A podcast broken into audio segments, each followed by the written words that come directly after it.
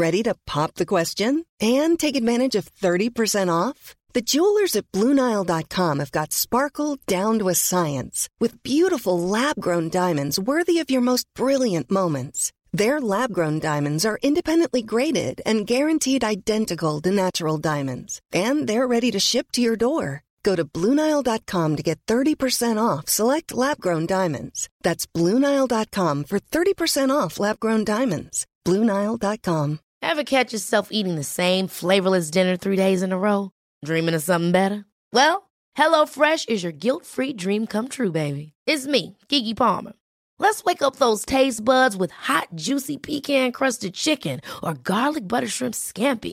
Mm. Hello Fresh. Stop dreaming of all the delicious possibilities and dig in at HelloFresh.com. Let's get this dinner party started.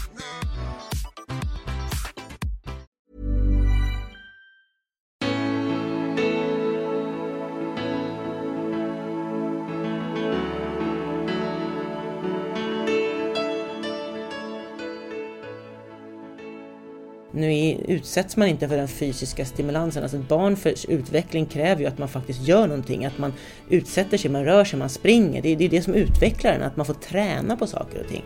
Och om man inte får träna på det, man blir skjutsad till skolan, man blir satt i en skolbänk, man blir skjutsad hem, man blir satt framför en TV eller padda och man går och lägger sig. Ja, då får man ju aldrig någon träning på att faktiskt röra kroppen och koordinera kroppen helt enkelt. Och det är ju inte svårt att förstå. Om det helt plötsligt basuneras ut att det är farligt att sitta och så är det någon som har Men jag kan ju sälja ståbord. Det är ju såklart att då sitter jag ju inte. Kan ni tänka er? Hälften av Sveriges befolkning har hälsofarligt dålig kondition. Med det menas att man inte ens klarar av att gå en rask promenad mer än 10 minuter utan att stanna. Möt forskaren på GH som gjorde undersökningen med det sensationella resultatet, men som också vet vad man ska göra åt problemet. Hon är högskolelektor i idrottsvetenskap, inriktning folkhälsa och fysisk aktivitet på GIH som betyder gymnastik och idrottshögskolan. Mm. Hon är också allsvensk, eller för detta allsvensk fotbollsspelare med 150 matcher. Silver i Uefa Women's eh, Champions League. Mm. Har spelat i landslaget och icke minst så har hon varit proffs mm. i eh, Spanien, i Espanyol. Elin Ekblom Back. Mm. Välkommen till podden Spännande möten. Du var det där rätt uttalat? Ja men det var nog det. Eh, det var lite roligt när jag gifte mig. Då blev jag väldigt konfunderad. Elin Ekblom hette jag innan och så blev det Back efteråt. Och så skulle någon speaker ropa upp där. Elin Ekblom Back. Nej, nej, hon är mittfältare. nej, Elin Ekblom Back. Det hon nej, hon är mittfältare. Hon heter Back nu. Ah, och Back. Okej, okay, hon heter Back. så att Backa är rätt uttal. Eh, det är, min man är från Polen och, och det är, ska egentligen vara en liten apostrof eller någonting där som blir back, lite mer runt A men på svenska säger man oftast back. Ja, ja men man, det är ingen, man kan tänka mig att det är många som säger bak. Ja, det också. De får säga precis vad de vill. Mig bekommer inte. Så att... Gör inte det va? Ja. Eh, jag tror faktiskt att det var norskt. Jaha, ja. nej. nej. Polskt. Ja, polskt. Eh, du, hur mm. kändes den presentationen? Kändes det som att eh, jag fick med sådär? ja, absolut. Det tycker jag. Ja. Du, man googlar på dig så det första man får upp det är ju att du är 38 år, 1,71 lång och väger 68 kilo. det låter som en riktig fotbollspresentation liksom. känns det igen? Ja, ungefär. Ja, Där har jag legat bra. de senaste 20 åren så det känns ungefär igen. Mm. Ja, ja, ja.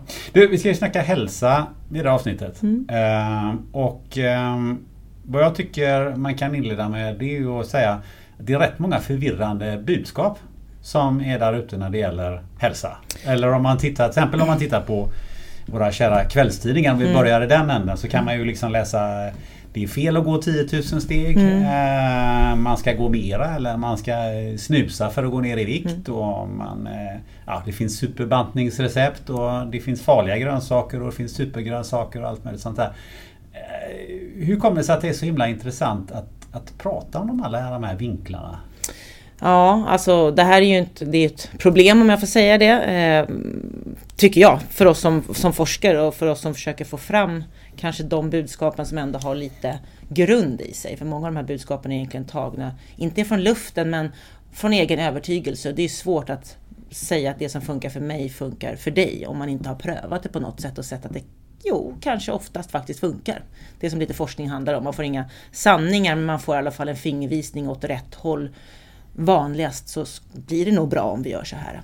Eh, och det är, väl lite, det är väl lite allmänt så, så samhället är uppbyggt idag. Det har ju släppts helt fritt vem som är auktoriteten på området. Det är oftast inte Eh, vad man säger utan vem som säger idag. Vilket är precis tvärt för 30-40 år sedan där det var vissa auktoriteter kanske som, som fick prata om. Professorn var den som uttalade sig, det var det som gällde.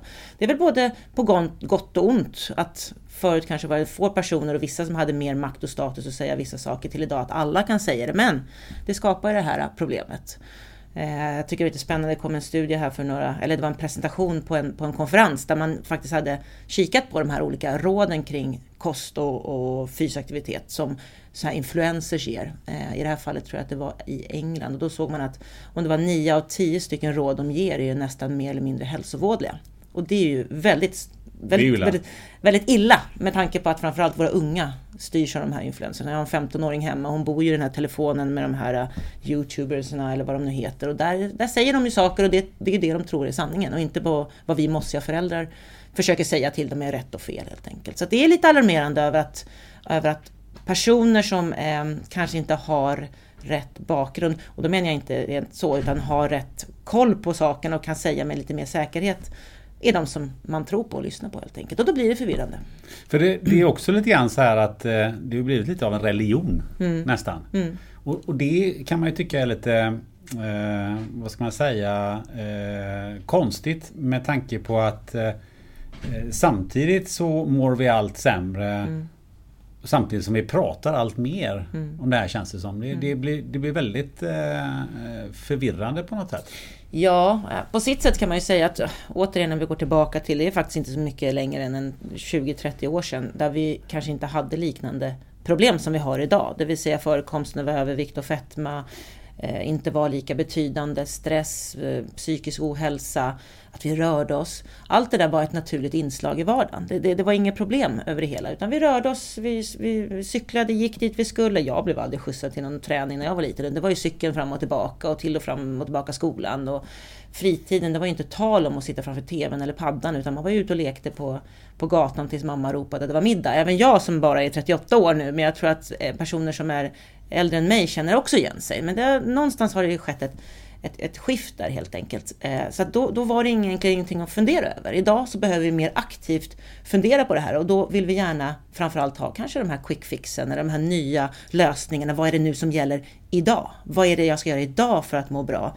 Vad är det som är häftigt nytt? Det måste vara något intressant om man säger så. Och då ser folk sina möjligheter eller aktörer sina möjligheter att sända olika typer av häftiga budskap. Det är budskap att man ska göra si eller så eller hej eller hå. Men egentligen så är det inte konstigare än att gör allt normalt, allt lagom. Det vill säga var lagom aktiv, ät lagom mycket av fett, av salt, av socker, allting. Så kommer du må bra. Stressa lagom, umgås lagom med vänner, umgås lagom med dig själv. Alltså, på något sätt, det svenska lagom är ju egentligen den, den universala lösningen. Men idag så, så, så, känner vi att vi behöver något mer, något, något häftigare än det. Och då kommer de här quick fixen mm. som en naturlig lösning eh, på det hela. Och då kan det kännas alldeles snurrigt att, att, att, eh, att det är just så som du säger. Och vi ska dyka ner lite grann i, eh, i det här. Hade vi ju tänkt. Mm. För att se lite, så vi får reda ut de här begreppen mm. lite grann tänkte jag. Men först då, så du sa ju att eh, eh, nämnde ju din ungdom och tänkte liksom bara gå tillbaka lite grann för du har ju spelat fotboll. Mm.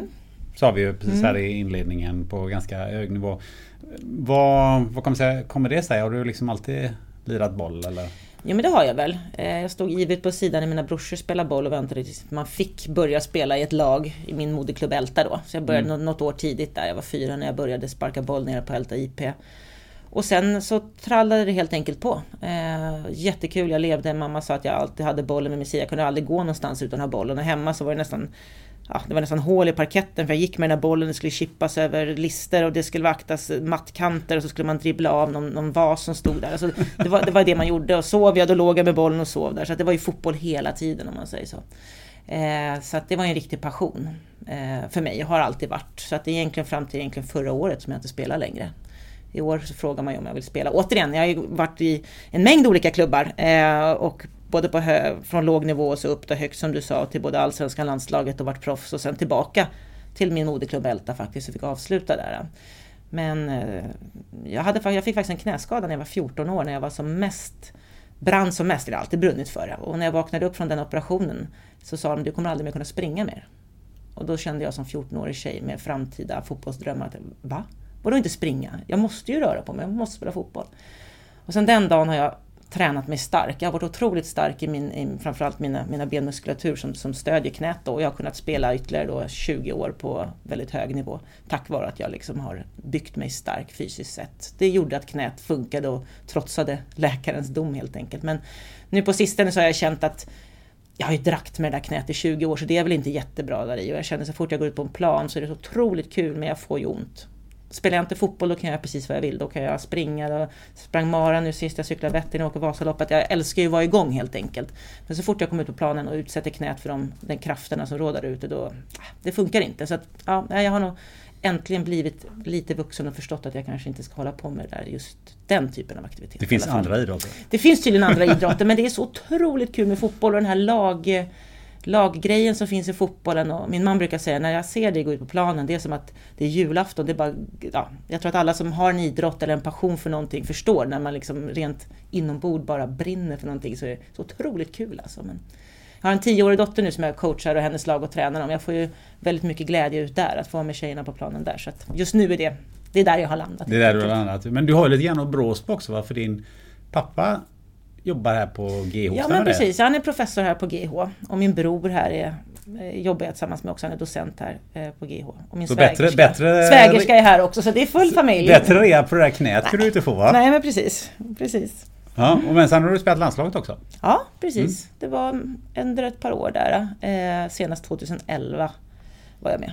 Mm. Men jag läste mig till att du hade tackat nej någon gång till landslaget? Jo men jag gjorde det. det var, jag var lite kontrovers där i Elda. Jag tyckte, att det var lite, jag tyckte att det var lite mycket fokus på att de som en gång hade varit med fick alltid vara med och det spelade egentligen ingen roll vad vi nya gjorde ett tag där tyckte jag. Så att jag var lite, jag var lite sur ett tag där. Mm så, så, så, blev det så. Men ja, ja, det valet gjorde jag och det gjorde mig inte mer olycklig för då fick jag fokusera på min, på min klubbkarriär som då var Djurgården och det gick ju väldigt bra då. Eh, du och sen har du varit, eh, eller är mm. kanske, expertkommentator också? Nej, inte nu på sistone året har jag nog inte varit igång. Men under ett par år var jag det och det var ju jätteutvecklande och spännande det också. Att få prata fotboll. Köta fotboll i TV. Det var ja. kul. Träffa folk och se matcher och sådär. Hur hamnade du där? Det var, jag började med att jag hamnade i TV, i den här TV4 hade en sån här morgonsoffa med eh, några stycken som satt och kommenterade sport i allmänhet. Det var jag, Lasse Anrell, vi var, våra, vi var de som alltid satt där och så hade man alltid någon gäst. Så varje måndag morgon tror jag att det var på den här morgonsoffan så hade man en kvart, 20 minuter där man pratade om den sporten som hade hänt i helgen eller förra veckan. Allt möjligt liksom. Så, så satt vi där under några år. Ehm, och eh, sen så blev det att, ja, sen, sen gled jag in, jag satt med bojen Bojan Djordjic någon gång i någon sån här EM-studio i Kungsan. Det var helt galet att de kunde ha en öppen studio i Kungsan med en, en Bojan som är aik så det bara skriker om det och där går det runt folk som är lite förfriskade och hejar på andra lag. Jag tror det kom några tegelstenar flygande och jag vet inte vad som kom, liksom sådana minnen. Så var det någon VM-studio där och så. Så att då, då, gjorde jag ett par mästerskap, kommenterade lite och sen så blev det Viasat-studion sen mm. några år. Jättespännande. Så det ena ledde till det andra. De tyckte väl att jag gjorde ett bra jobb, annars hade jag väl inte varit där helt enkelt. Så är det förmodligen. Så är det förmodligen. Och då såg jag ju fotboll egentligen 24 timmar om dygnet, så då, då var jag där med, med rätta i så fall om jag kunde någonting. Och sen kom ju barn eh, och den här karriären och jag fortsatte spela fotboll. Så egentligen, jag var ju både mamma, fotbollsspelare i Tyresö och jag doktorerade samtidigt. Så jag vet inte, jag höll med. Och samtidigt skulle jag kommentera fotboll på TV och jag såg ju ingen fotboll till slut. För jag hade ju inte, ja, dygnet har ju bara 24 timmar liksom. Mm.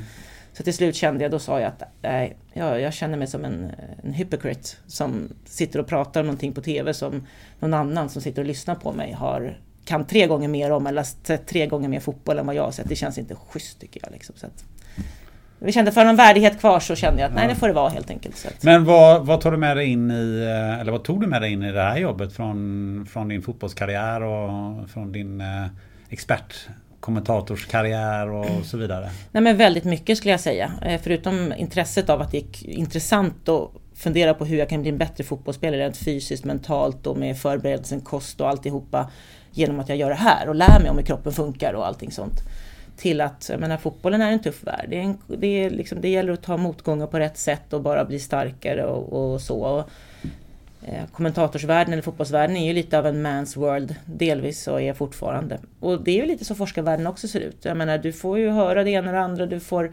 eh, refusering på det du skriver, man skickar in artiklar för att försöka få dem publicerade och man får ju tillbaka ibland med både vänliga och ovänliga kommentarer om att det här är bra eller dåligt. Liksom. Det gäller ju bara att resa sig därifrån och och det är, forskningen är lite en man's world fortfarande också här så att det är väldigt många likheter. Eh, så, så du får slå dig fram lite grann som kvinna? Nej men det får man göra. Det, det, just här på GH skulle jag säga att vi är väldigt förskonade från den typen men på andra universitet och liknande så kan det vara väldigt tufft. Så. Men berätta, vad, är du, vad har du för utbildning och vad har du för, för bakgrund när det gäller det? Jag är eh, eh i grund och botten hälsopedagog här från GH, så jag gick tre, eller ja, jag började på GH när jag var några veckor. Min far som jobbade här var professor då, redan då och då provade mina gångreflexer på ett löpband här. Så jag har varit på GH sedan jag var nyfödd kan jag ju säga. Jag gjorde mina studier under min doktorandperiod på det löpbandet som de testade mina gångreflexer. Så jag kände att jag sitter riktigt i det här. Det går inte att komma härifrån. Det komma härifrån helt enkelt. Men rent akademiskt så, blev, så läste jag till hälsopedagog här på GH mellan 2005 och 2007 och sen så skrev jag min doktorsavhandling på KI eh, mellan 2008 och 2013. Blev mamma där mitt i alltihopa. Det är Karolinska? Precis, Karolinska institutet här i Stockholm. Och sen kom jag tillbaka hit till GH, blev lektor och så blev jag docent här för något halvår sedan. Så, Vad är skillnaden? Lektor docent? Lektor är själva anställningsformen. Det vill okay. säga att man ska ha disputerat, ha, gjort sin, alltså ha en avhandling, ha sin doktorstitel. Då kan man bli anställd som lektor och då undervisar mm. man och forskar man.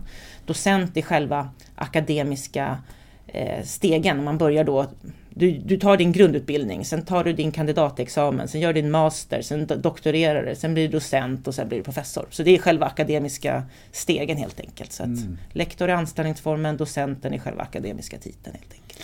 Men det känns ju som en ganska bra kombo. Jag menar, du är på GIH och så är det hälsopedagog och sen mm. har du gjort en, eh, din avhandling på Karolinska mm. institutet. Mm. I vad då?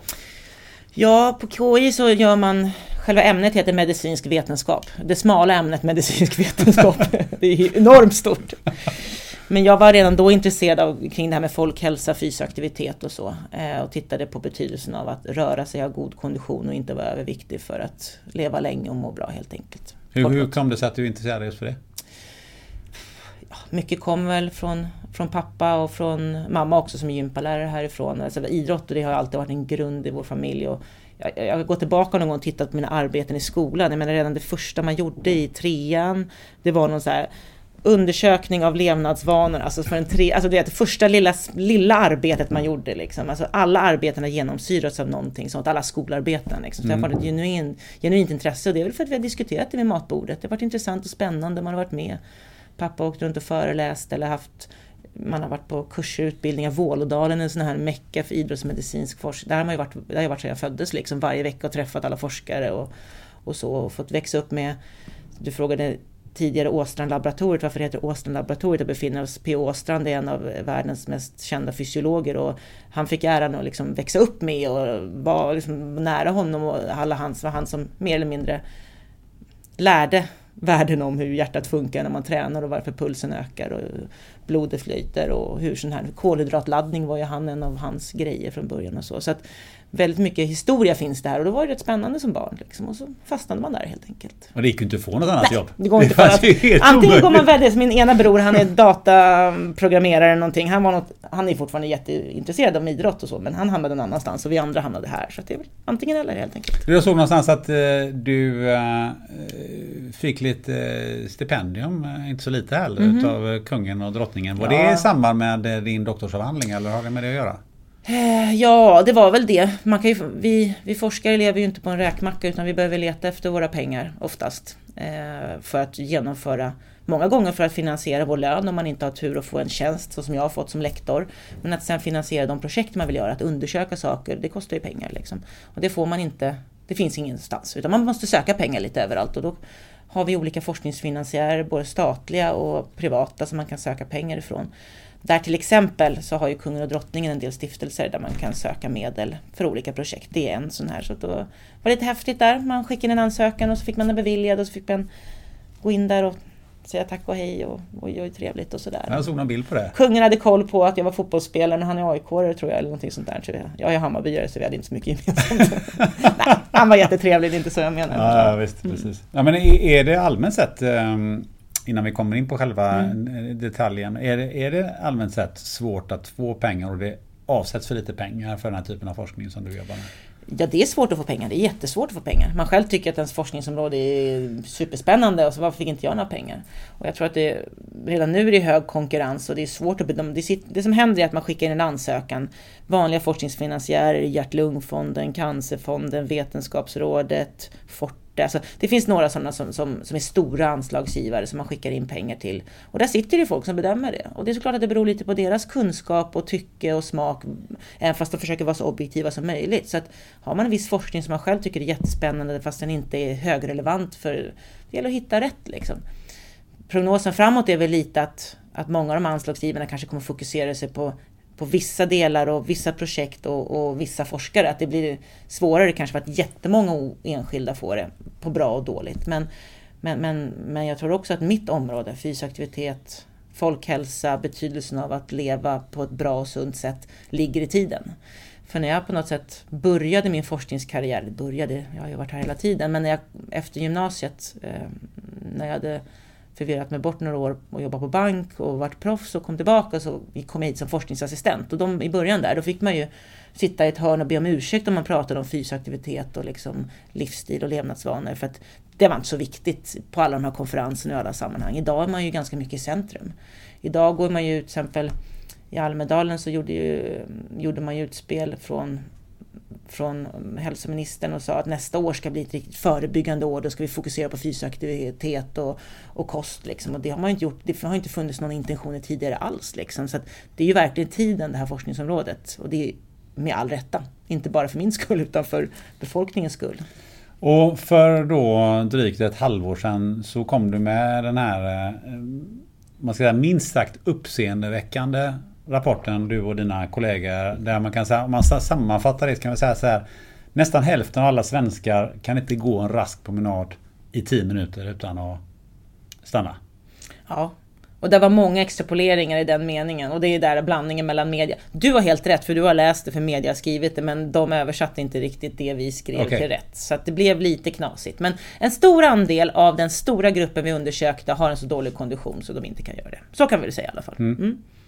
Du, berätta lite om den där studien ni gjorde.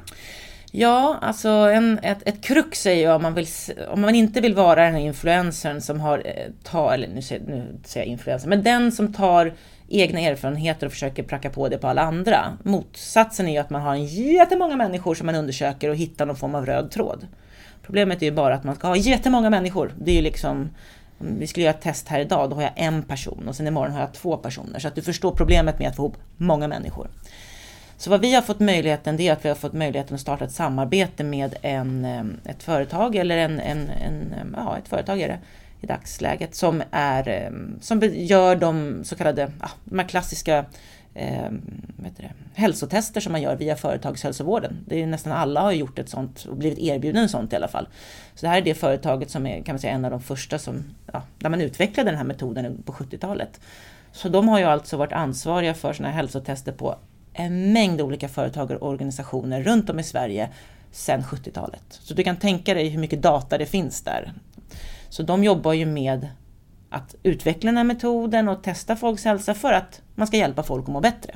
Jag som forskare ser ju bara här en guldgruva och tänker shit vad mycket data. För det fina är att han som en gång eh, början startade det här, Gunnar Andersson, eh, som skrev en avhandling. Eh, hans, han var ju väldigt metodisk. Så det, själva metoden är så bra så att den kan göras forskning på. Man måste ha bra metoder. Men han var så pass metodisk från början och det här bygger på hans doktorsavhandling. Så det går att forska på den, vilket är en ynnest. Det finns ju många sådana här databaser där man inte riktigt kollar. Jaha, nej men jag vet inte riktigt hur vi gjorde det här och samla in det här. Det här är sån här petitess. Men för forskare är det väldigt viktigt att saker och ting är standardiserat.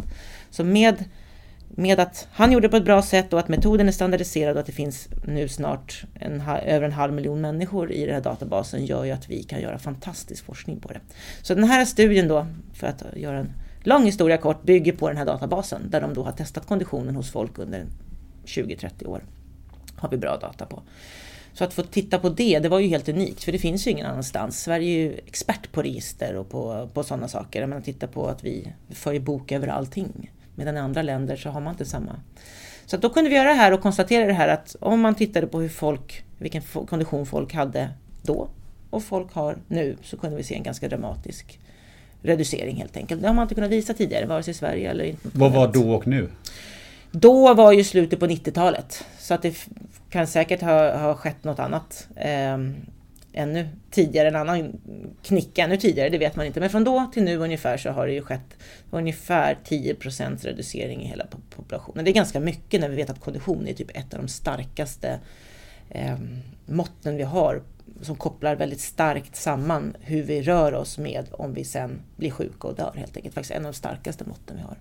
Där egentligen varje litet steg i din kondition har en stor effekt. Så att, kan du bara öka lite så har det stor effekt och då reduceras det med 10 procent. Det är ganska stort i en stor, stor grupp. Så ja, då har det nog haft ganska stor effekt på hur de här personerna mår. Ja, för det är ju rätt så eh, brutalt. För jag tänkte just fråga det där, man, vad, är, vad, är, vad är mycket och vad är lite? Mm. Hade man bra kondition för 20 år mm. sedan och nu mm. har man hygglig kondition? Mm. Eller så att man hade ganska ris, halvrisig kondition för 20 år sedan och riktigt mm. risig kondition mm. nu. Eh, man, man, när man kan titta, man tänker på själva siffran där, så i, i helgruppen så låg man någonstans mellan, om jag kommer ihåg, runt 38-39 milliliter syre per kilo kroppsvikt. Och den grekiskan säger ungefär att eh, det är ganska, generellt sett genomsnitt så var väl det bra. Det är helt okej. Okay. Sen beror det lite på Eh, vissa hade mer och vissa hade mindre såklart. Och nu har det där sjunkit ner någonstans runt 34 tror jag, kommer ihåg, 34,5 någonstans. Vilket gör att man börjar närma sig, 35 brukar man säga är där man ska över mellan tummen och pingfingret. Så att hela halva gruppen har då alltså glidit ner under det här värdet som man kanske inte ska vara under helt enkelt. Men vad är hälsofarlig kondition? Vad, vad innebär det? Det innebär att eh, Hälsofarligt dålig kondition kan man liksom- Hälsofarligt dålig kondition. Det är att man tidigare, i det här fallet så har ju tidigare funnits gränsvärden som man helst ska vara över och under den så ser man att risken för att drabbas av ohälsa eller att dö i förtid kraftigt stegras helt enkelt. Och det är det man kallar för hälsofarligt låg kondition helt enkelt. Men vad är det lite mer konkret? Vad är, vad är det du drabbas av? Eller kan drabbas av om du äh, hamnar under de här 35 ml? Ja, alltså det kan man ju drabbas av även om man är över de 35 ml. Men, men forskning bygger ju mycket på sannolikheter och risken att. Det är ju ingen absolut, okej okay, om du har 30 ml så kommer du att få en hjärt-kärlsjukdom och dö. Det finns ingen sån svart och vitt utan vi pratar hela tiden om sannolikheter och, och liksom förhållanden mellan att om du har mer så är det mer kondition än något värde så är det sannolikt mindre risk att du får en sjukdom än om du har mindre. Så att allting bygger egentligen på, på risker och sannolikheter. Eh, så att, eh, och då ser man att ju, ju, ju, lägre kondition man har under det här värdet har man sett, så ju större är risken eller sannolikheten att du drabbas av. Det beror ju inte bara på vilket värde du läser av, utan det beror ju på att kroppen är i så pass dåligt skick eh, så att den eh, har en större risk att drabbas av vanligt förekommande sjukdomar som hjärt-kärlsjukdom, det vill säga hjärtinfarkt eller stroke. Ehm, det har kopplingar till både övervikt, till diabetes, till viss cancersjukdom etc. Så det är vanligt förekommande sjukdomar i dagens eh, samhälle. Helt enkelt. Fanns det några skillnader mellan olika grupper? Alltså vilka, hade, vilka låg bäst till och vilka låg sämst till? ja men precis, det, är ju, det här är ju en sån här käpphäst man gärna vill identifiera för vi vill se vilka som har störst problem. Då kunde vi se att bland annat så hade ju män haft en kraftigare försämring än kvinnor, yngre åldrar, vilket är ju lite alarmerande de med låg utbildning och det är en, det är en kan man säga, det är en, en proxy som vi kallar, alltså det vi kallar för låg socioekonomisk status eller man har en lägre samhällsklass, det är en sån här gammal term, men att man, man, de som har sämre förutsättningar helt enkelt för att faktiskt leva hälsosamt tyvärr i dagens samhälle hade också försämrat sig mer kraftigt.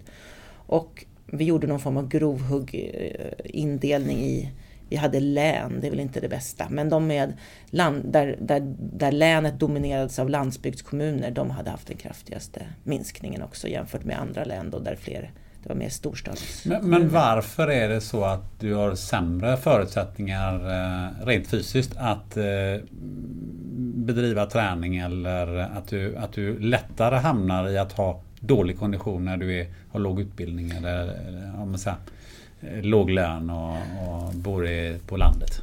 Alltså rent fysiskt så är vi ju precis likadana egentligen. Det är ju snarare de förutsättningarna vi har. Vi kan se att de som har en lägre utbildning eller tjänar mindre pengar eller bor i mer utsatta områden. Det finns ju många olika sådana sätt att titta på det här. Eh, de har en tendens att i mindre utsträckning träna och vara fysiskt aktiva så man kan påverka sin kondition helt enkelt. Eh, man har sämre ekonomiska förutsättningar att kanske göra det man vill göra, det vill säga köpa ett gymkort och gå och träna och man ser inte möjligheten av att kanske gå ut i naturen och träna själv till exempel. Eh, men det finns ju också andra saker så som att man oftare är stressad. Man kanske har en ekonomisk press som gör att man behöver ha flera jobb. Eh, man har andra livssituationsförutsättningar som gör att man helt enkelt inte, fokus är inte att gå och träna helt enkelt. Det vet vi ju själva, om, om, om livet är på topp, man är glad, jobbet funkar, vännerna funkar, ja, då kan jag helt plötsligt lägga fokus på att jag ska äta rätt och träna och må bra. Men om, om, om någon i närheten har gått bort och man känner att jag, fan, jag har inte råd att leva, hej och hå. Ja, det är inte så att man tänker, jo nu ska jag ut och sporta och träna och få en bra kondition. Så att det, det är ju väldigt osaxsamt. Man har väldigt olika förutsättningar och, och, det hänger väldigt starkt ihop med just den här gradienten av bland annat vilken utbildning man har eller hur mycket man tjänar eller vilka andra förutsättningar. Men mm, yngre män, mm. vad, vad hände där helt Ja, vad hände där? ja, män vet jag inte riktigt varför just det skulle vara. Eh, men, men yngre kan man ju tänka sig att vi har ju och det här är lite svårt att röna ut för att den forskningen som vi har kring själva beteendet som förmodligen ligger bakom det här, det vill säga hur mycket vi rör på oss. Där har vi för dålig data trendmässigt sett. Det vill säga vi, vi har bara data på vad folk har sagt att de har gjort.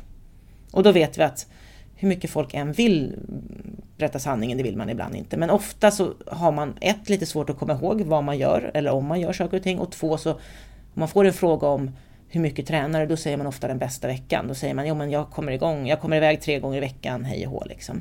Så att, att fråga folk vad man gör, det är inte riktigt trovärdigt inom forskningen skulle jag säga. Även fast det ger en hint om det hela. Utan vi behöver egentligen mäta det, precis som vi mätt konditionen med ett objektivt mått så skulle vi behöva mäta aktivitet och det gör vi nu för tiden med eh, olika rörelsemätare.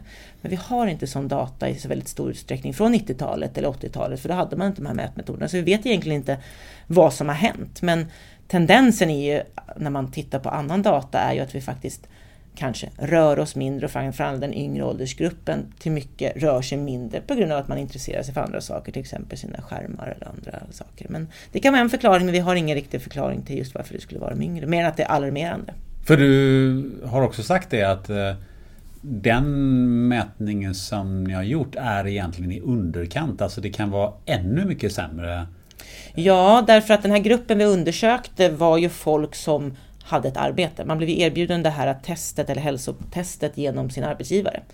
Och då kan man ju tänka sig att det finns ytterligare folk utan som inte har arbete eller kommer från andra länder som inte hunnit komma in i arbete eller liknande som, som jag menar, en person som inte är arbetsakt, yrkesaktiv eller har ett arbete kan man ju gissa att de har en sämre förutsättningar för hälsa på grund av att man inte har ett arbete, man står som arbetslös eller liknande. Så vi kan egentligen bara uttala oss om den arbetsföra befolkningen men jag kan gissa att det här kanske Förmodligen är det inte bättre i hela befolkningen utan jag skulle gissa, gissningsvis säga att det kanske är ännu sämre.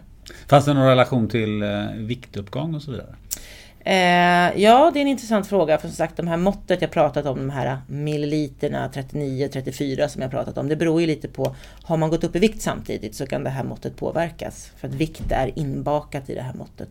Men vi, vi särskilde det och såg att okej, okay, ungefär en tredjedel av det här berodde på att folk faktiskt hade gått upp samtidigt. Och vi, har, vi har ju jättemycket publikationer på gång, varav en är just där vi tittar på viktuppgång eller ökning av BMI och fetma i den här gruppen. Eh, men så en tredjedel ungefär kunde förklaras av att folk hade, hade gått upp i vikt. Men två tredjedelar, alltså den största delen av den här försämringen, berodde på en så kallad försämrad aerob kapacitet, det vill säga att hjärtat eller kärlen och de arbetande musklerna är sämre funktion helt enkelt. Eller, ja, de funkar sämre än vad de gjorde förut. Vi, vi pratar här om milliliter hit mm. och dit och sådär. Men kan du eh, jämföra det med någon som är riktigt vältränad? Alltså om du har en vältränad eh, motionär och mm. en eh, vältränad eh, en, en mm. elitidrottsman eller mm. elitidrottskvinna. Vad, vad, vad ligger de här värdena på? Ja, man kan ju börja så här, till exempel har vi en person som är en, en, en hjärtsviktspatient. Då är man nere på 12, 13, 14 milliliter. I mina öron det är otroligt lågt, men så lågt är det helt enkelt.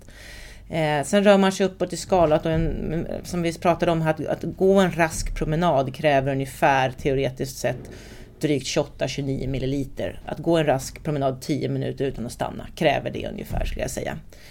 Och sen kommer de här värdena uppåt kanske en medelmotionär som går på Friskis. Alltså vi ska veta också att den genetiska komponenten är ganska, in, in, det är ganska stor i vilken kondition du har. Men om vi nu bara tänker rent krasst då skulle jag säga att en, en medelmotionär som går på Friskis en två dagar i veckan och kör någon medelgympapass. Alltså sån här härligt hälsosam fysaktivitet. Kanske ligger runt 40 milliliter någonstans kanske. Eh, ofta lite lägre om man är lite äldre och lite mer om man är lite yngre. Eh, för att man oftast är, kanske kan vara lite mer intensivt aktiv när man är ung och sådär. Eh, det, det, är väldigt mellan tummen och pekfingret.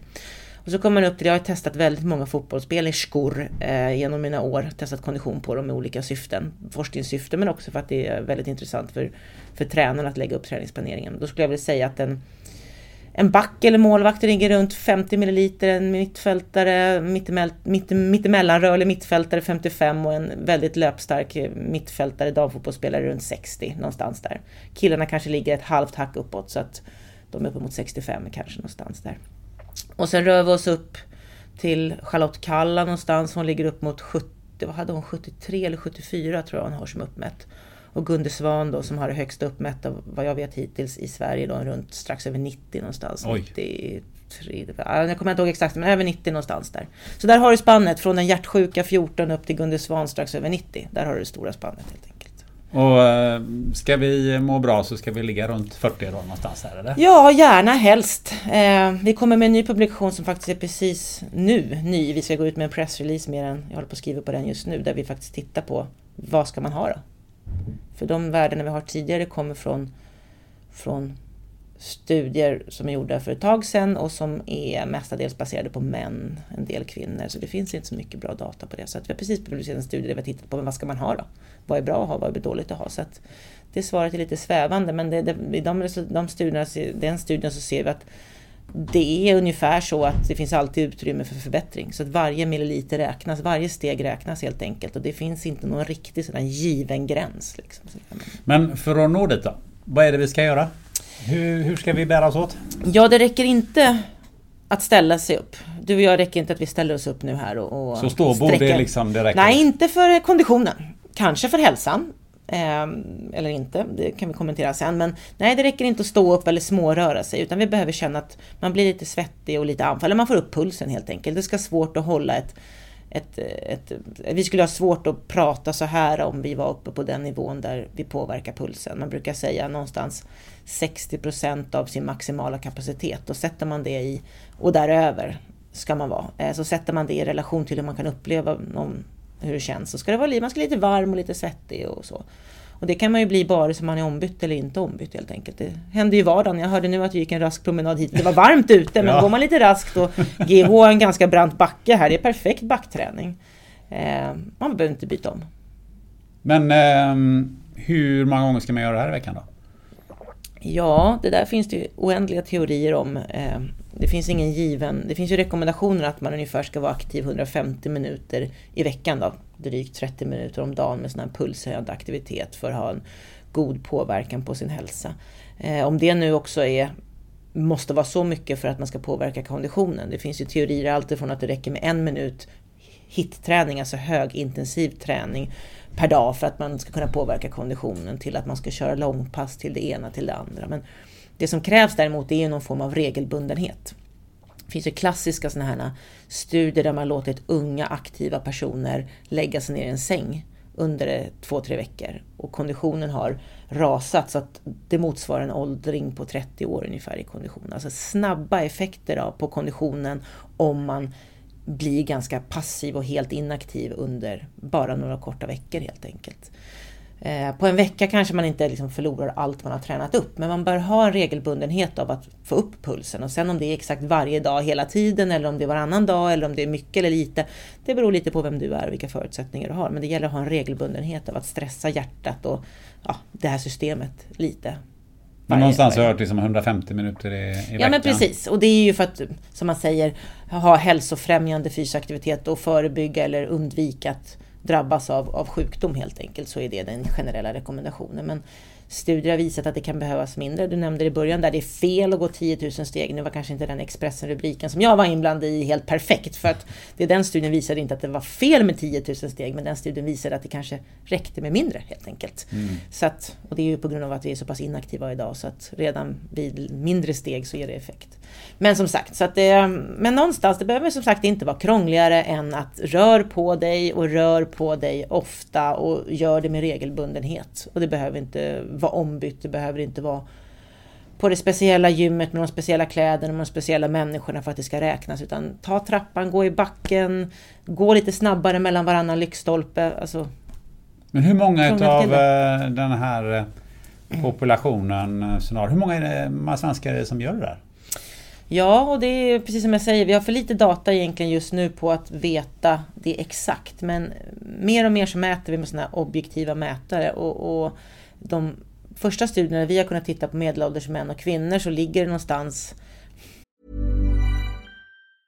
It's that time of the year. Your vacation is coming up. You can already hear the beach waves, feel the warm breeze, relax and think about work. You really, really want it all to work out while you're away. Monday.com gives you and the team that peace of mind. When all work is on one platform and everyone's in sync, things just flow wherever you are. Tap the banner to go to Monday.com. Hey, I'm Ryan Reynolds. At Mint Mobile, we like to do the opposite of what Big Wireless does. They charge you a lot, we charge you a little. So naturally, when they announced they'd be raising their prices due to inflation, we decided to deflate our prices due to not hating you. That's right. We're cutting the price of Mint Unlimited from $30 a month to just $15 a month. Give it a try at mintmobile.com slash switch. $45 upfront for three months plus taxes and fees. Promo rate for new customers for limited time. Unlimited more than 40 gigabytes per month. Slows. Full terms at mintmobile.com. Hey, I'm Ryan Reynolds. Recently, I asked Mint Mobile's legal team if big wireless companies are allowed to raise prices due to inflation. They said yes. And then when I asked if raising prices technically violates those onerous two year contracts, they said, What the f are you talking about, you insane Hollywood ass?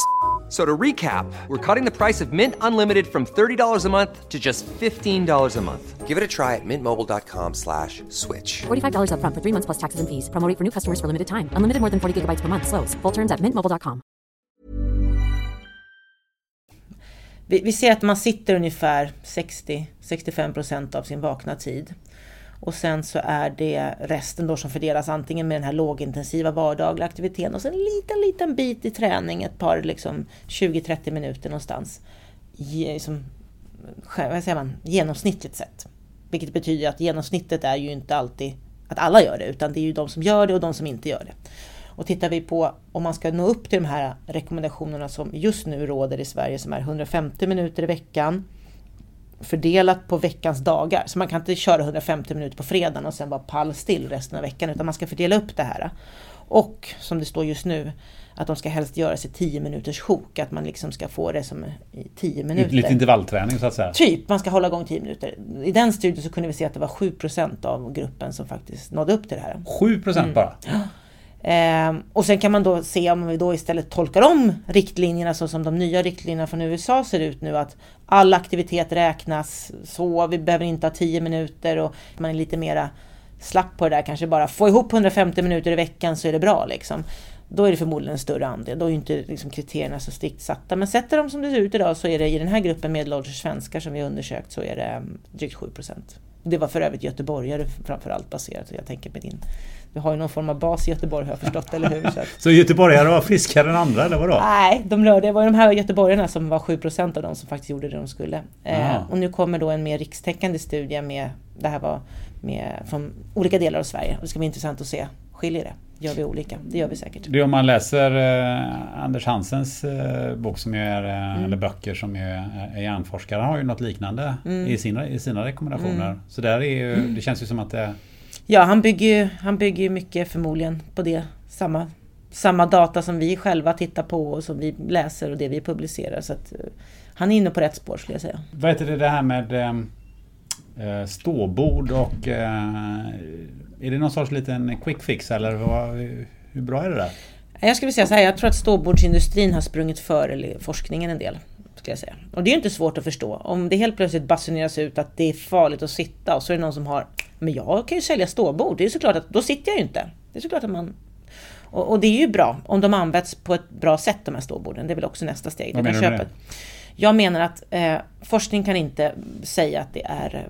Med den forskning som finns idag så kan vi inte säga inte för att det saknas forskning utan för att forskningen inte ser någon skillnad mellan att sitta pallstill eller stå pallstill. Det är liksom ingen större skillnad. I alla fall inte för det vi kallar för den metabola hälsan eller energiomsättning, alltså för hjärtat, blodfetter, blodtryck etc.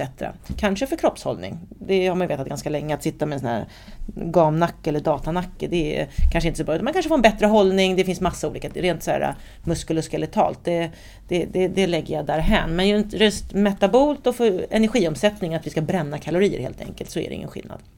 Däremot så finns det en viss forskning som visar att om man varierar sitt sittande och stående. Det vill säga stå upp 10 minuter, sitt ner 15, stå upp, alltså man får variation under dagen. Då har man ju vis kunnat visa att energiomsättningen är högre. Det är betydligt högre, man gör av med mer energi om man byter. Men det skulle du kunna få också genom att sitta på en stol och ställa dig upp fast du inte har något att skriva. Alltså du skulle kunna var tionde minut göra någonting, gå en promenad, fixa, så alltså du hela tiden är lite aktiv. Det kan man ju också göra. Så att det första bästa det är att variera sitt sittande från stående till sittande. Men det absolut bästa är att också få till någon form av rörelse. Att du inte bara blir kvar på samma fläck en kvadratmeter där det är, utan att du då och då tar ett par promenader och då menar jag alltså ut och hämta någon kaffe, gå och prata med någon där borta, ta trappan upp till administrationsavdelningen för att hämta något papper istället för att mejla och liksom det här att få den rörelsen om vi pratar på arbets, arbetstid nu. Där har forskningen verkligen visat skillnad eh, mellan att då bli sittande eller göra den här lilla aktiviteten. Men med allt detta sagt som bakgrund nu. Eh, om vi då tar över, för över det här till, till sjukvården. Mm. Det låter ju inte som någon jättebra utsikt för hur vi ska klara det här rent sjukvårdsmässigt. Vi har redan ansträngd sjukvård och eh, nu har vi halva eh, Sveriges befolkning snart som, som är mm. i, på nivån mm. som, där det finns en risk för alla de här mm. sjukdomarna som du eh, pratar om. Hur löser vi det? Ja, det är ju ett problem. Det finns ju prognoser som talar om en ganska stadig ökning av olika folksjukdomar framöver. Eh, jag tror att vi har kommit till någon form av knix där. För de facto har vi faktiskt sett en minskad insjuknande i hjärt-kärlsjukdomar och minskad andel som dör av sin hjärt-kärlsjukdom. Och då tycker man att det är lite så här kontroversiellt och tänker, men vadå, varför håller ni på och ojar om det här liksom? En stor andel till att folk idag överlever sin hjärt-kärlsjukdom det är att man har en bra sjukvård och att man har eh, förebyggande insatser såsom att man har blodtryckssänkande mediciner eller blodfettssänkande mediciner som då gör att man inte har sitt höga blodtryck eller inte har sina höga blodfetter och då inte får sin hjärtinfarkt eller att den blir så farlig helt enkelt. Men att tro att det ska vara någon form av ekonomiskt hållbart eller ek eh, ekologiskt hållbart scenario framöver där befolkningen blir större. Snart kommer det bli en gradient där, att de som har råd att få bra sjukvård får det, och det är redan, vi är redan där idag. Och att, att producera mediciner som folk ska knapra i sig liksom, när man är sjuk, det håller inte heller. Utan jag är helt övertygad om att vi måste göra, jobba det som så fint kallas för förebyggande. Det vill säga att vi ska se till att folk inte blir sjuka genom att man inte att man lever på ett sätt som man inte blir sjuk helt enkelt. Vi kan inte se till att man ska stå där med konstgjord andning för att man har levt ohälsosamt och sen drabbades av sin sjukdom och sen ska någon rädda en helt enkelt. Utan vi måste jobba, som du säger, hälso och sjukvården och samhället i stort, vi måste jobba förebyggande eller preventivt, lite mer eh, proaktivt som det kallas fint istället för att vara reaktivt. Att alltså se till, okej nu händer något, nu måste vi rädda den här personen vid liv. Och helst skicka hem den så fort som möjligt för vi har inte plats. Liksom. Så det är inte hållbart, vi är helt inne på rätt spår. Vi måste tänka om helt enkelt. Och då kan man fundera på om det är hälso och sjukvårdens uppgift. Eh, de har ju väldigt viktig uppgift att ta hand om folk som faktiskt är, i alla fall sjukvården, ta hand om folk som är, har fått sin sjukdom helt enkelt. Eh, men jag tror att de har väldigt viktig signal att sända ut. Jag tror att de är en väldigt viktig plattform där, där alla människor från alla, alla hörn av samhället eller alla delar av samhället, hög, hög lågt, hög utbildning, låg, alltså ungefär mellan tummen och pekfingret så träffar hälso och sjukvården eh, den svenska befolkningen, alla individer, en gång per år. I något sammanhang har vi någon kontakt med hälso och sjukvården en gång, i snitt per år ungefär. Väldigt, väldigt rough. Och att då kunna träffa personen, titta den i ögonen och ha någon form av hjälp, budskap, någonting kring livsstil, levnadsstil, lotsa den vidare, få stöd, någonting, att i alla fall nämna det här är ju en bra start. Annars är risken som det ofta ser ut, att det är de som, har, som är redan intresserade, redan aktiva, redan har en gott ställt, redan har en bra livsstil, som blir intresserade av när företaget erbjuder hälsoinsatser eller när man erbjuds vara med i en studie eller när man erbjuds vara med i en stegräknartävling eller whatsoever. Man fångar de som redan är frälsta och de som redan har det ganska bra och mår ganska bra. Om vi ska fånga de som är av mest behov av det här, då behöver vi hitta ett annat forum så, eh, och där tror jag att hälso och sjukvården är ett, ett, bra ställe där man kan ha, etablera en första kontakt. helt enkelt. Men är det inte samtidigt svårt för att eh, eh, det är väl dels ett tidsproblem. Mm. Eh, dels så är det väl också så att hela sjukvården är uppbyggd på ett reat- reaktivt mönster. Alltså den utbildning och den kunskap man har inom sjukvården bygger ju på reaktivitet och inte proaktivitet. Alltså det är ju inte så att man är bäst på eh, att eh, bäst på kostråd. Man är inte bäst på eh, råd när det gäller eh, träning. Utan det man är riktigt bra på det är ju råd att eh, ja, men du ska ta den här medicinen. För du har högt blodtryck eller du har eh, vad det nu är för någonting. Alltså att det, det, eh, det är ju inte uppbyggt på det sättet. Varför, vad är dina reflektioner kring det? Nej men du har helt rätt. Hälso och sjukvården idag är ju uppbyggd på det sättet som var det fanns behov av för 30 år sedan helt enkelt. Nu ser ju samhället ut annorlunda ut. Det förändras. Vi, livsmönstret ser annorlunda ut, sjukdomsbilden ser annorlunda ut. Vi har andra behov helt enkelt. Och jag menar de som jobbar inom hälso och sjukvården idag, eller inom sjukvården, de har ju en otroligt viktig kompetens och ett otroligt viktigt uppdrag eh, som eh, eh, behövs. Som behövs när folk blir sjuka. Och då har man hittills sett försökt lappa till lite och säga men ni ska lära er lite om att ge kostråd också. Ni ska lära er lite, ge mig råd kring fysisk aktivitet och hälsa. Men precis som du säger, ofta har en läkare 10 minuter på sig. Du söker för du har ont i halsen, den tittar i halsen, ser att det är rött, gör någon anamnes, ger någon behandling och så ska den också därtill börja fråga om livsstil. Så det hör vi ju att det är bra tänkt kanske, att, men det går ju inte. De kan, ju- vi kan inte lägga det on topp för då kommer det ju påverka också deras deras yrkesutövande när det väl behövs. Så min tanke är ju definitivt att vi måste tänka om lite. Vi måste behålla det som är, som är bra, men vi måste addera någonting till hälso och sjukvården som mer jobbar preventivt, som egentligen har syfte och arbetsuppgiften av att jobba preventivt. Där läkaren är den första kontaktytan, men som med en enkel hänvisning kan skicka den personen vidare till folk som har det som arbetsuppgift att jobba mer preventivt. Det vill säga en yrkesgrupp eller någon del av hälso och sjukvården där, eh, jag tänker mig en ny yrkesgrupp eller någonting, där man faktiskt bara kan fokusera på livsstil, hälsa, eh, preventivt arbete. Vare sig du är sjuk då, så då kallas det för sekundärprevention, att man inte ska bli sjuk igen. Eller om du inte tidigare haft någon sjukdom, kallas för primärprevention. Se till att folk inte blir sjuka helt enkelt. Men vi kan inte lägga en topp på den eh, sjukvård som redan är där idag helt enkelt.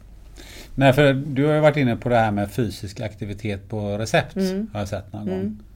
Eh, hur fungerar det då?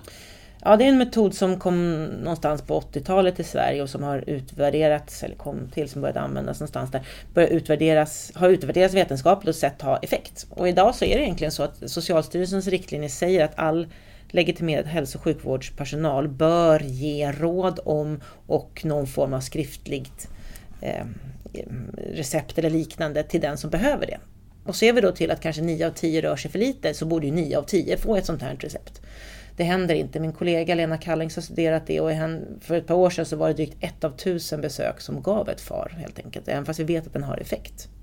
Så det första är att folk förskriver inte faret Eh, och folk gör inte vad som står på det här faret. Och ett FAR, alltså fysiskt aktivitet recept, det är alltså precis som en vanlig medicin-prescription. alltså en- en- du får en gul lapp där det står att du ska få Voltaren för ont i ryggen eller någonting sånt. Så står det istället att du ska ha mm, aerob, alltså, eh, aerob aktivitet, pulshöjande aktivitet, eh, tre dagar i veckan, 20 minuter mot för vad, stress, övervikt, whatever. Det är precis likadant för att det ska liksom ge den legitimiteten.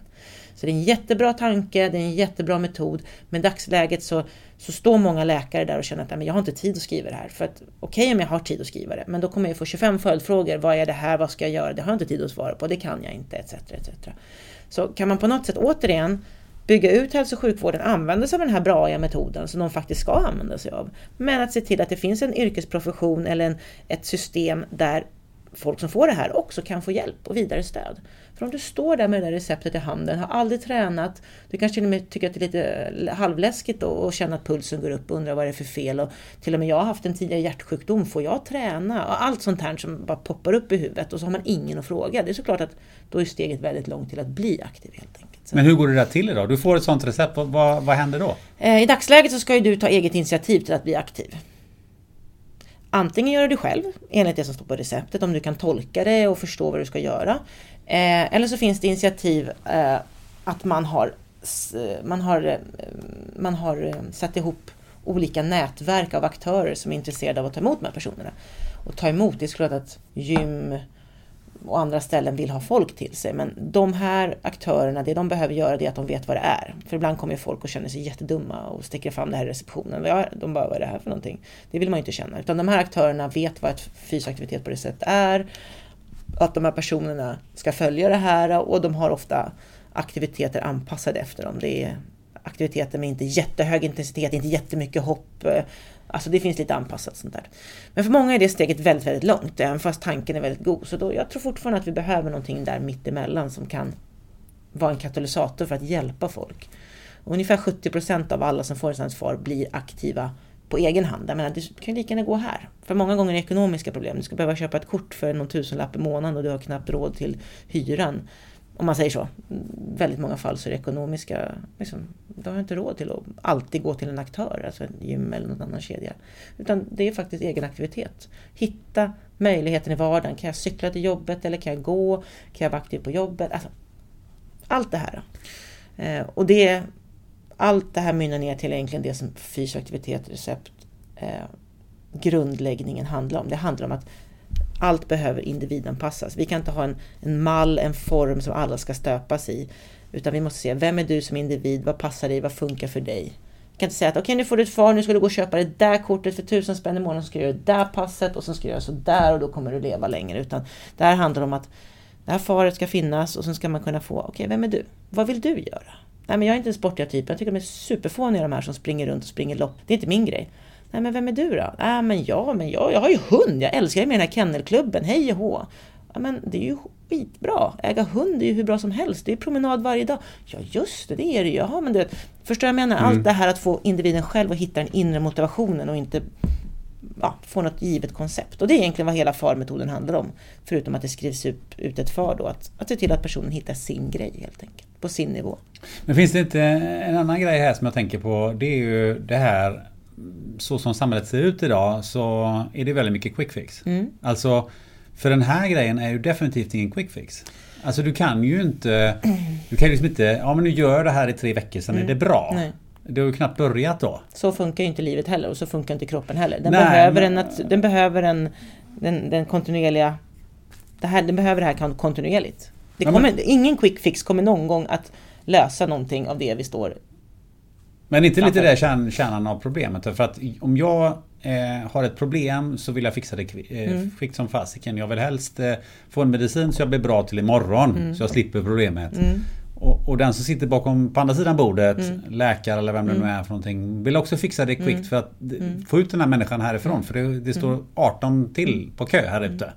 Uh, och så eh, bygger man väldigt mycket på lösningen på en på en quick fix på mm. någonting som mm. aldrig kan vara en quick fix. Är inte, mm. det, är inte det som kärnan i problemet? För om man tror att en quick fix är det som kommer att lötas, lös, löna sig för att om tre veckor så är man ju besviken av att det inte gjorde det så är man ju tillbaka på ruta ett igen. Precis. Så det gäller ju helt enkelt att hitta ett mervärde för individen. Kanske om den om nu inte är intresserad av att göra det här så gäller det att hitta ett mervärde och det jag försöker säga att den här individanpassningen, att hitta och det bygger egentligen på två saker. Det handlar om att hitta yttre förutsättningar för personen. Det vill säga att vill jag kunna röra mig, om jag nu tycker att cykla till jobbet är ett tidsalternativ som jag tycker verkar bra för att spara pengar, på, för mig är miljön viktig så jag påverkar inte miljön etc. Så finns det inga cykelvägar, ja men då kommer jag inte göra det, eller andra saker.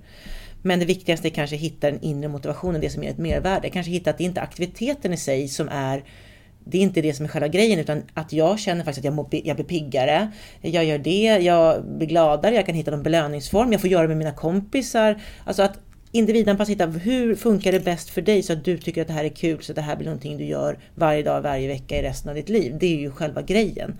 Och det kommer inte bli av med en quick fix och det kommer inte bli av med en stöpt mall för alla utan det kommer bli av med att jag sätter mig ner och pratar med dig och vi du får fundera på vem du är och vad som passar dig. Vad är det som gör dig glad i hjärtat? Mig, jag blir glad i hjärtat ja, självklart av att se mina barn och allt sånt här, men jag blir jäkligt glad i hjärtat att gå ut och spela fotboll. Mm, det brinner jag för. Det är liksom, kan jag få göra det, då är det liksom min grej. Kan man hitta någonting som du brinner för, så du får göra det. Ja, men du, du vill se dina barnbarn växa upp, du vill kunna gå ut och, och, åka på en hikingsemester med ditt äldsta barnbarn. whatever vad du vill göra.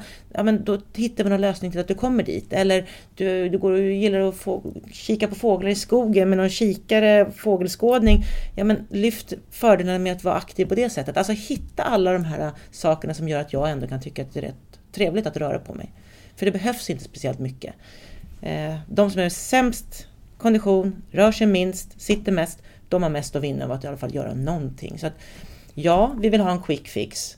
Eh, men den quick fixen kommer inte funka vet vi. Och det kommer absolut inte funka om man inte ser till vilken personen är. Utan kan vi hitta någonting som ger ett mervärde för individen, som egentligen inte alls vill röra på sig, men vi kan hitta någonting. Och det kan inte jag säga vad det är, om inte jag kan prata med dig, eller dig, eller han, eller hon, eller det. Eller så. Men är inte mervärdet att jag faktiskt mår bättre lever längre under den tiden som jag lever mm. längre så kommer jag eh, att ha mindre krämpor. Jag har mindre ont i ryggen, mm. Eh, jag har mindre ont i magen eller vad det nu är för någonting. Mm. Eh, det för mig till resonemanget att säga att hur mycket egenansvar kan vi säga att mm. en person mm. har? För det är väldigt lätt ofta att säga ja men det ska någon annan fixa. Mm. Alltså det ska det allmänna fixa. Samhället, sjukvården eller vilka det nu är. Eh, hur mycket egenansvar har vi i det här läget egentligen? Eh, för det första kan man säga att många tänker inte de termerna. Motiveringen till att man vill röra på sig är oftast inte att jag ska leva länge. Det ligger så långt. Man tänker att det kommer inte hända mig eller jag kommer inte bli sjuk. Det ligger så, den risken ser man inte helt enkelt. Eller möjligheten. Det är ofta få personer som säger att det är det absolut ultimata målet att jag ska leva länge. Liksom. Många, en del har ju det. Många vill ju ha det här att jag vill gå ner i vikt eller jag vill se hälsosam ut eller jag vill känna mig pigg, jag är så trött eller någonting. Liksom sådär. Eh, så då, så, så då kan man ju tänka sig att om man hittar den motivationen och varför man vill vara aktiv och vad målet är med det. Eh, så kan man ju tänka att då bör man hitta en inre motivation att skapa ett egenansvar också. Att man känner att okej, okay, om jag vill gå ner i vikt så kommer jag kanske behöva göra det här. Då är en del av min del är mitt eget ansvar. Eh, och det är ju både för att få den egna personen att förstå att det är mitt egenansvar men också att vi i samhället runt omkring oss inte blir de som konkar runt på folk överallt och säger att nu löser vi era problem. Det är en det är en mutual, det är ett samarbete att få det att funka. Jag kommer inte klara det själv som individ förmodligen. Men med stöd från andra och från samhället om, runt omkring mig, arbetsgivare, skapa möjligheter, ja allting, så, så, kan vi nog lösa det. Men det är såklart att en del ligger i ditt eget ansvar. Du, ingen, jag, jag kan inte sätta upp dig på en cykel och röra dina ben för att du ska trampa, utan någonstans måste du ta ditt eget ansvar och ta dina egna beslut. Precis som allt annat här i världen. Som du, som du har ansvar för din ekonomi eller för något annat. Liksom. För jag tänker, och framförallt de som faktiskt då ligger sämst till eller som har eh, de sämsta, vad du kallar för socioekonomiska mm. variablerna. Mm. De behöver ju någonstans mest mm. hjälp. Um, hjälp på det sättet av att de är ju inte inkompetenta, dumma personer utan de har bara sämre förutsättningar mm. rent omgivesmässigt av att faktiskt leva hälsosamt. Det finns en otaliga studier som pekar på det. Eh, så i eh, grund och botten, både fysiskt och, och, mentalt, så, så är de inte vare sig sämre eller bättre än någon annan, utan de har bara sämre förutsättningar tyvärr, vilket är ett otroligt stort motstånd att jobba emot. Sen finns det de som gör fantastiskt, klarar av det i alla fall, eh, så, men ja, det, det kan man nog varje person intyga, att ska man hamna i den situationen så skulle man nog faktiskt hamna där också. Så. Men hur löser man det eller hur, hur, hjälper man dem utan att frågan blir så stor som där det blir alltså som att ja men eh, vi har problem med utslagning och vi har eh, mm. sämre områden och mm. alltså man hamnar i den här diskussionen som ju blir otroligt stor mm. eh, och som inte handlar om, om hälsa i första hand mm. utan väldigt mycket Nej, annat. Absolut. Ehm, absolut. Hur, hur, kan vi liksom ta den där lilla genvägen så att vi kan hjälpa dem? Ja, för det första så måste vi ju, och det, säger, det står ju överallt och det säger man överallt, att vi behöver ju rikta vad vi gör till att verkligen nå de personerna. Så att vi, vi, vi får de personerna att bli intresserade. Och jag menar, det som du säger i grund och botten handlar inte om att bara att ni måste röra er mer. Det är den enda lösningen. Vi ger alla dem ett gymkort så blir allting bra. Utan det handlar om väldigt många andra saker. Som att känna sig delaktig, som att ha faktiskt ett jobb eller en utbildning, ha en ekonomi. Som, så att väldigt mycket sådana saker handlar om att skapa en, trabi, en stabil, trygg grund för de här individerna. Eh, så att den får ett livs ett sammanhang i livet som gör att man vill vara hälsosam och vill leva sunt och att det blir beständigt. som sagt. För har man inte de här grundläggande behoven som vi alla människor har av att värme, kärlek, tillhörighet, ja det finns ju den här Maslows behovstrappa där. Eh, ja, då, då, då är det andra sekundärt helt enkelt skulle jag säga. Så det är, ett, det är ett större samhällsproblem. Så där kan vi ju, vi som är hälsoforskare om man får kalla sig för det, behöver jobba, behöver ju jobba väldigt tajt med många andra delar. Framförallt politiker som behöver ta beslut och göra insatser för att stötta det här helt enkelt. Men om vi tar ner det här i, i åldrarna. Eh, jag hade en sån upplevelse för ett antal år sedan när jag var innebandytränare för ett eh, gäng småkillar som var typ 10-11 år. Eller något sånt där och så skulle vi ha lite fysgrejer och så tänkte jag att det var bra de lär sig ha lite koordination. Mm. Och eh, då skulle vi göra väldigt enkla saker som till exempel göra kullerbyttor. Mm. Uh, och då blev jag ju halvt chockad över att hälften av det här gänget de, de hade ingen aning Nej. om hur man gör en kullerbytta.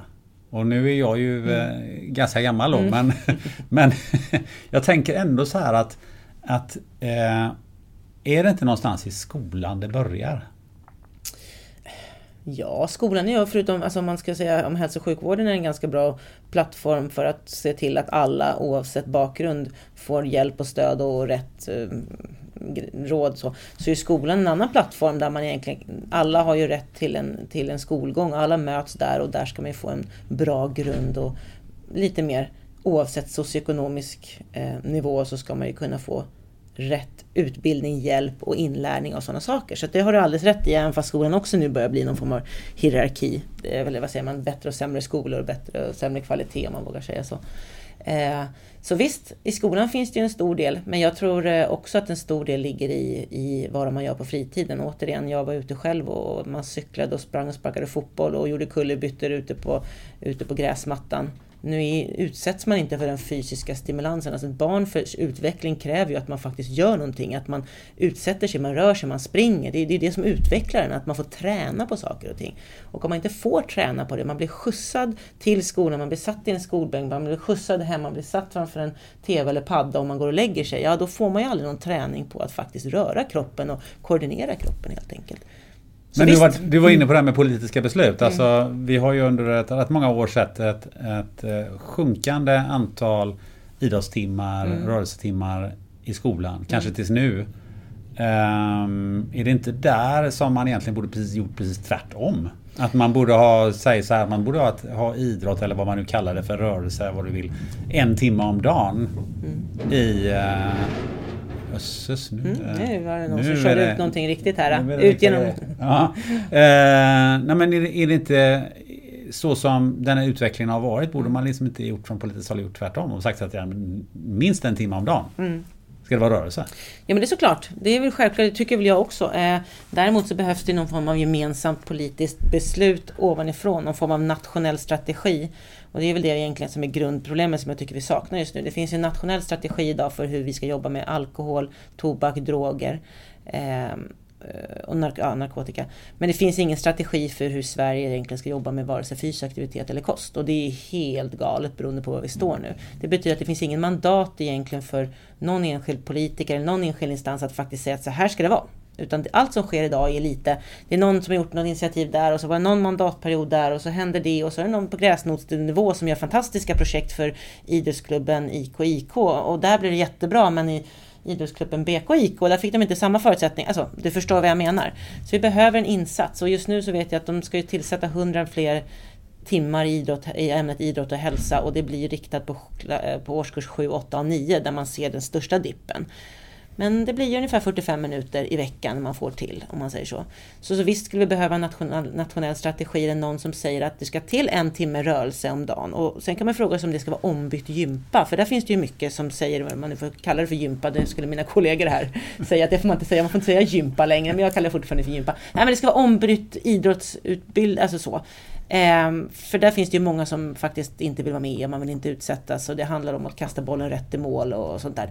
Utan det ska vara rörelse. Det kan ju faktiskt vara lektioner där man har teoretiskt, men man kan gå ut och vara rörlig eller göra. Man kan gå ut och, nu ska vi ut och hitta 20 träd av den här sorten. Alltså det finns ju massa saker sätt att, och jag tror att det är väldigt många skolor som är med egen initiativ på väg dit. Och forskningen behöver utvärdera om det verkligen funkar. Jag tycker, inte, jag tycker att det låter det låter lite så att man slår in öppna dörrar, men det är klart att vi måste beforska och visa att det funkar för att man ska kunna ta ett beslut att vi ska ha det här.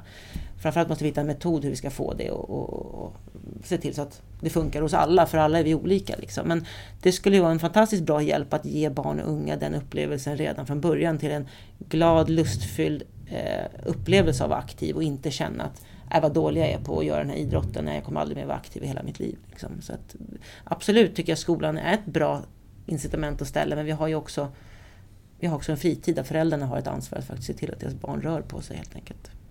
Du, eh, vi ska eh, avrunda så småningom här. Mm. Men jag tänkte så här att eh, med allt det som du har sagt nu och det som man har kommit fram till så kanske många lyssnare säger att eh, det här är allvarligt. Mm. Från och med imorgon ska jag ta tag i det här. Mm.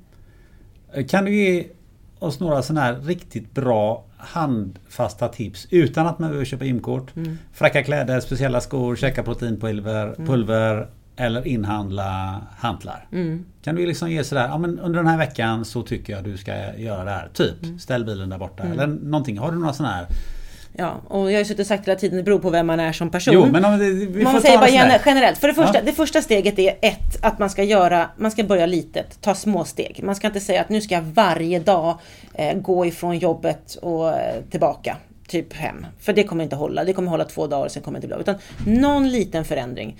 Försök hitta alla trappor du kan, du kan och gå i dem. Alltså så, om du ska någonstans och ser en trappa, då tar jag den istället för att ta hissen eller ställa mig i rulltrappa. Enkelt tips, att trappgående är en av de bästa aktiviteterna du kan göra förutom backe då. För att du har ju både muskelstärkande, ofta är du ganska trött om du går upp för den där trappan. Så att du får en ganska bra träning av att ta trappan eller gå i backen. Så, så trappa och backe? Till exempel, det är ett tips, ett mm. enkelt mm. tips. Och då hör du att jag är inne på det här med att hitta det i vardagen. Om man inte tycker mm. att det är ett, vare sig kul att byta om, för du kan ju gå ut och byta om och springa, men att hitta saker i din mm. vardag där du blir aktiv. Så till exempel ta trappan är ett fantastiskt tips. Ett annat så traditionellt vanligt tips det är ju att man hoppar av en station eller en busshållplats eller någonting eh, innan om man ska någonstans till exempel. Eller att man tar 10 minuter att faktiskt gå till affären och handla istället för att sätta sig i bilen och stressa för att man ska hem till något annat. Låt det bara ta 10 minuter längre men då får du en 10 minuters promenad och handla de där varorna. Ta gärna en rygga så du slipper bära det och kanske blir oergonomiskt. Liksom. Sådana här små tips. Eh, gå ut och hoppa studsmatta med barnen om du har en studsmatta till exempel istället för bara sitta bredvid och bläddra på mobilen till exempel. Var delaktig i dina barn är faktiskt den bästa bäst, jättebra på att få folk att röra sig om man gör. Försök hänga med ditt barn 10 minuter om du har barn till exempel, eller barnbarn. Försök hänga med 10 minuter om du gör, du kommer helt slut efter det. Så att bara apa efter helt enkelt. Det blir både kul för barnet att du är med och engagerar dig och du får aktivitet helt enkelt. Släpp mobilen 10 minuter. Eh, Sådana små tips som man bara glömmer bort för att man är så inne i det här flödet av att man ska vara närvarande och alltid uppdaterad. Har du några bra tips eh, mm. på jobbet då? Men vi sitter ju så förbannat mycket på jobbet. Vi sitter så förbannat mycket på jobbet så de små tipsen är att variera hela tiden. Sitt upp, stå upp. Jag till exempel varje gång jag pratar i telefon eller eh, så, så ställer jag mig upp. Det är som att, ah, men nu ska jag prata i telefon, mm. någon ringer, och ställer jag mig upp och pratar i telefon. Jag sitter aldrig ner till exempel. Eller eh, varje gång jag, jag låter sällan någonting ligga på hög och tänka att det här gör jag sen. Utan behöver jag en påskrift om någon, då går jag dit direkt. Om den, eller kollar om den finns, för då får jag en naturlig inslagrörelse. Jag tar aldrig hissen, utan jag tar alltid trapporna. Så, ja, men såna här, eh, att alltid hitta och få det som en vana så att du inte ens behöver reflektera För att om vi hela tiden måste fundera på att oh, jäklar, nu ska jag vara aktiv nu då.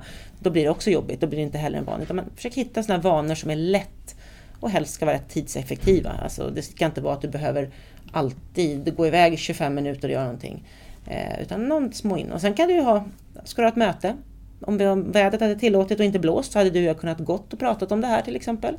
Eh, det som kallas för walk and talk. Istället för att sitta i en konferensrum gå ut och prata om det går 25-30 minuter. Ta en promenad och diskutera hur ni ska göra. Liksom, så.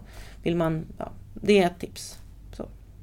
Fantastiskt bra. Jag hade en kollega som eh, mejlade mig internt. Mm. Och när hon hade skickat mejlet så gick hon alltid bort till min eh, arbetsplats och sa Du, jag har skickat ett mejl till dig. Ja, perfekt. Alltså det var en sån här personlig leverans ja, av mejl.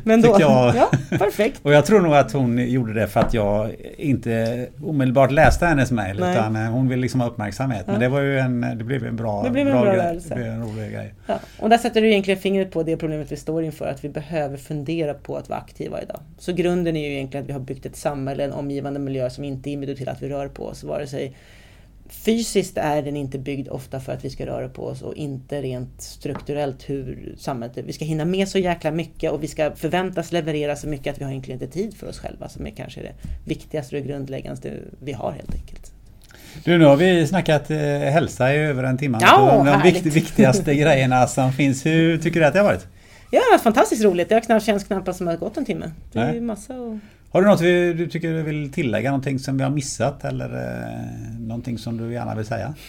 Nej, det är väl hela kontentan av det hela, det vill säga att det behöver inte vara så jäkla krångligt. Du behöver inte gå på allting som folk säger där ute. Vissa har sant, vissa har rätt och vissa har fel.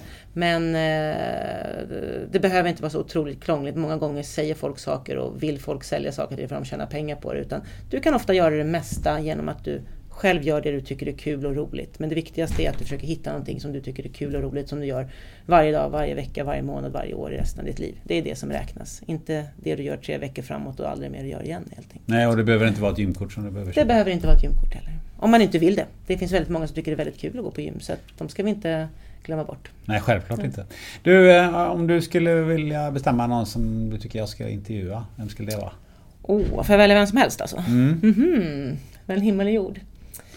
Eh, alltså, jag brinner ju väldigt mycket för barn och för ungdomar och framförallt, jag tror ju att det är att kan vi ge alla en, en fair chans i livet och en bra start eh, så, så kan mycket gott komma ut i det, både hos in, för personen själv, självklart, dess nära och samhället i stort. Där vi nu sitter och försöker lösa problem som kanske skulle kunna avhjälpas om folk hade fått en bättre, eller barn och ungdomar hade fått en bättre start i livet.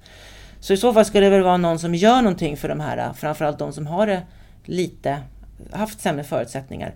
Jag tänker på bland annat en, en frisk generation som en ideell organisation eh, som verkar runt om på vissa ställen i, i, i Sverige där man alltså hela familjen, barnet eller det, jag tror att det är en viss ålderskategori där runt 10-årsåldern där man får komma med hela familjen och man tillsammans får vara fysiskt aktiv, man får tillsammans äta en hälsosam måltid och eh, lära sig om det och, och prata om det. Och, Eh, och lära känna under ett års tid så har man den möjligheten att gratis komma dit. Och eh, mycket av utvärderingen därifrån säger just att upplevelsen att vi fick göra någonting tillsammans som familj, vi fick hitta någonting nytt tillsammans och sådär. Det skapar liksom mervärde och, och ger, en, ger en, en bättre start helt enkelt. Det är ett exempel.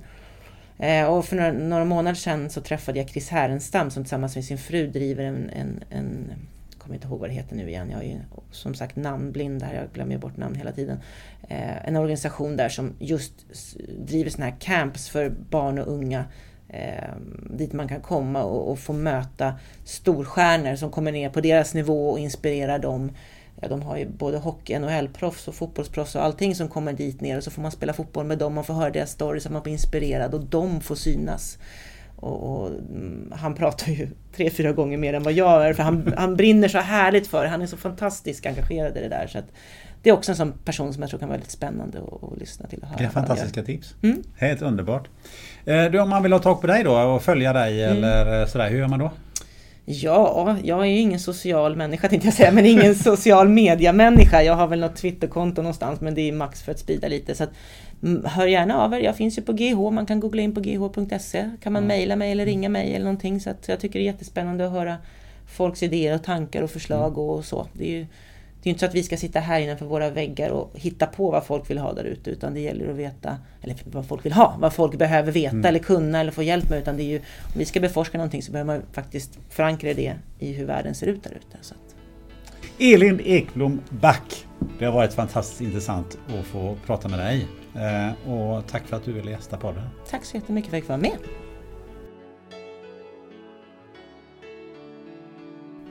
Så, nu vet du vad du ska göra. Ställ bilen en bit bort, gå i trapporna och lek med barnen.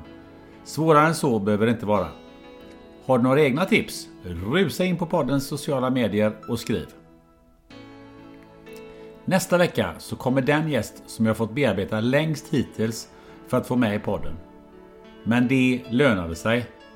Du ska få träffa Anna Maria Corazza Bildt. Full av energi och med mängder av intressanta åsikter och erfarenheter och med ett italienskt temperament som går utanpå det mesta. Missa inte det! Till dess, lägg undan mobilen, ta av dig tröjan och häng med ungarna ut på studsmattan. Ha det gött!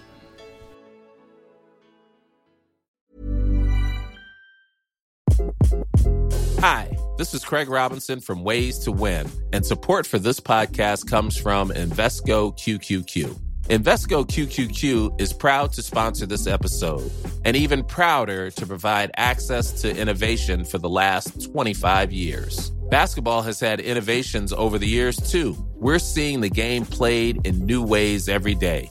Learn more at Invesco.com slash QQQ. Let's rethink possibility. Invesco Distributors, Inc.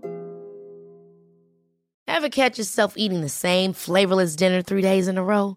Dreaming of something better? Well, HelloFresh is your guilt-free dream come true, baby. It's me, Kiki Palmer. Let's wake up those taste buds with hot, juicy pecan-crusted chicken or garlic butter shrimp scampi. Mm. Hello Fresh.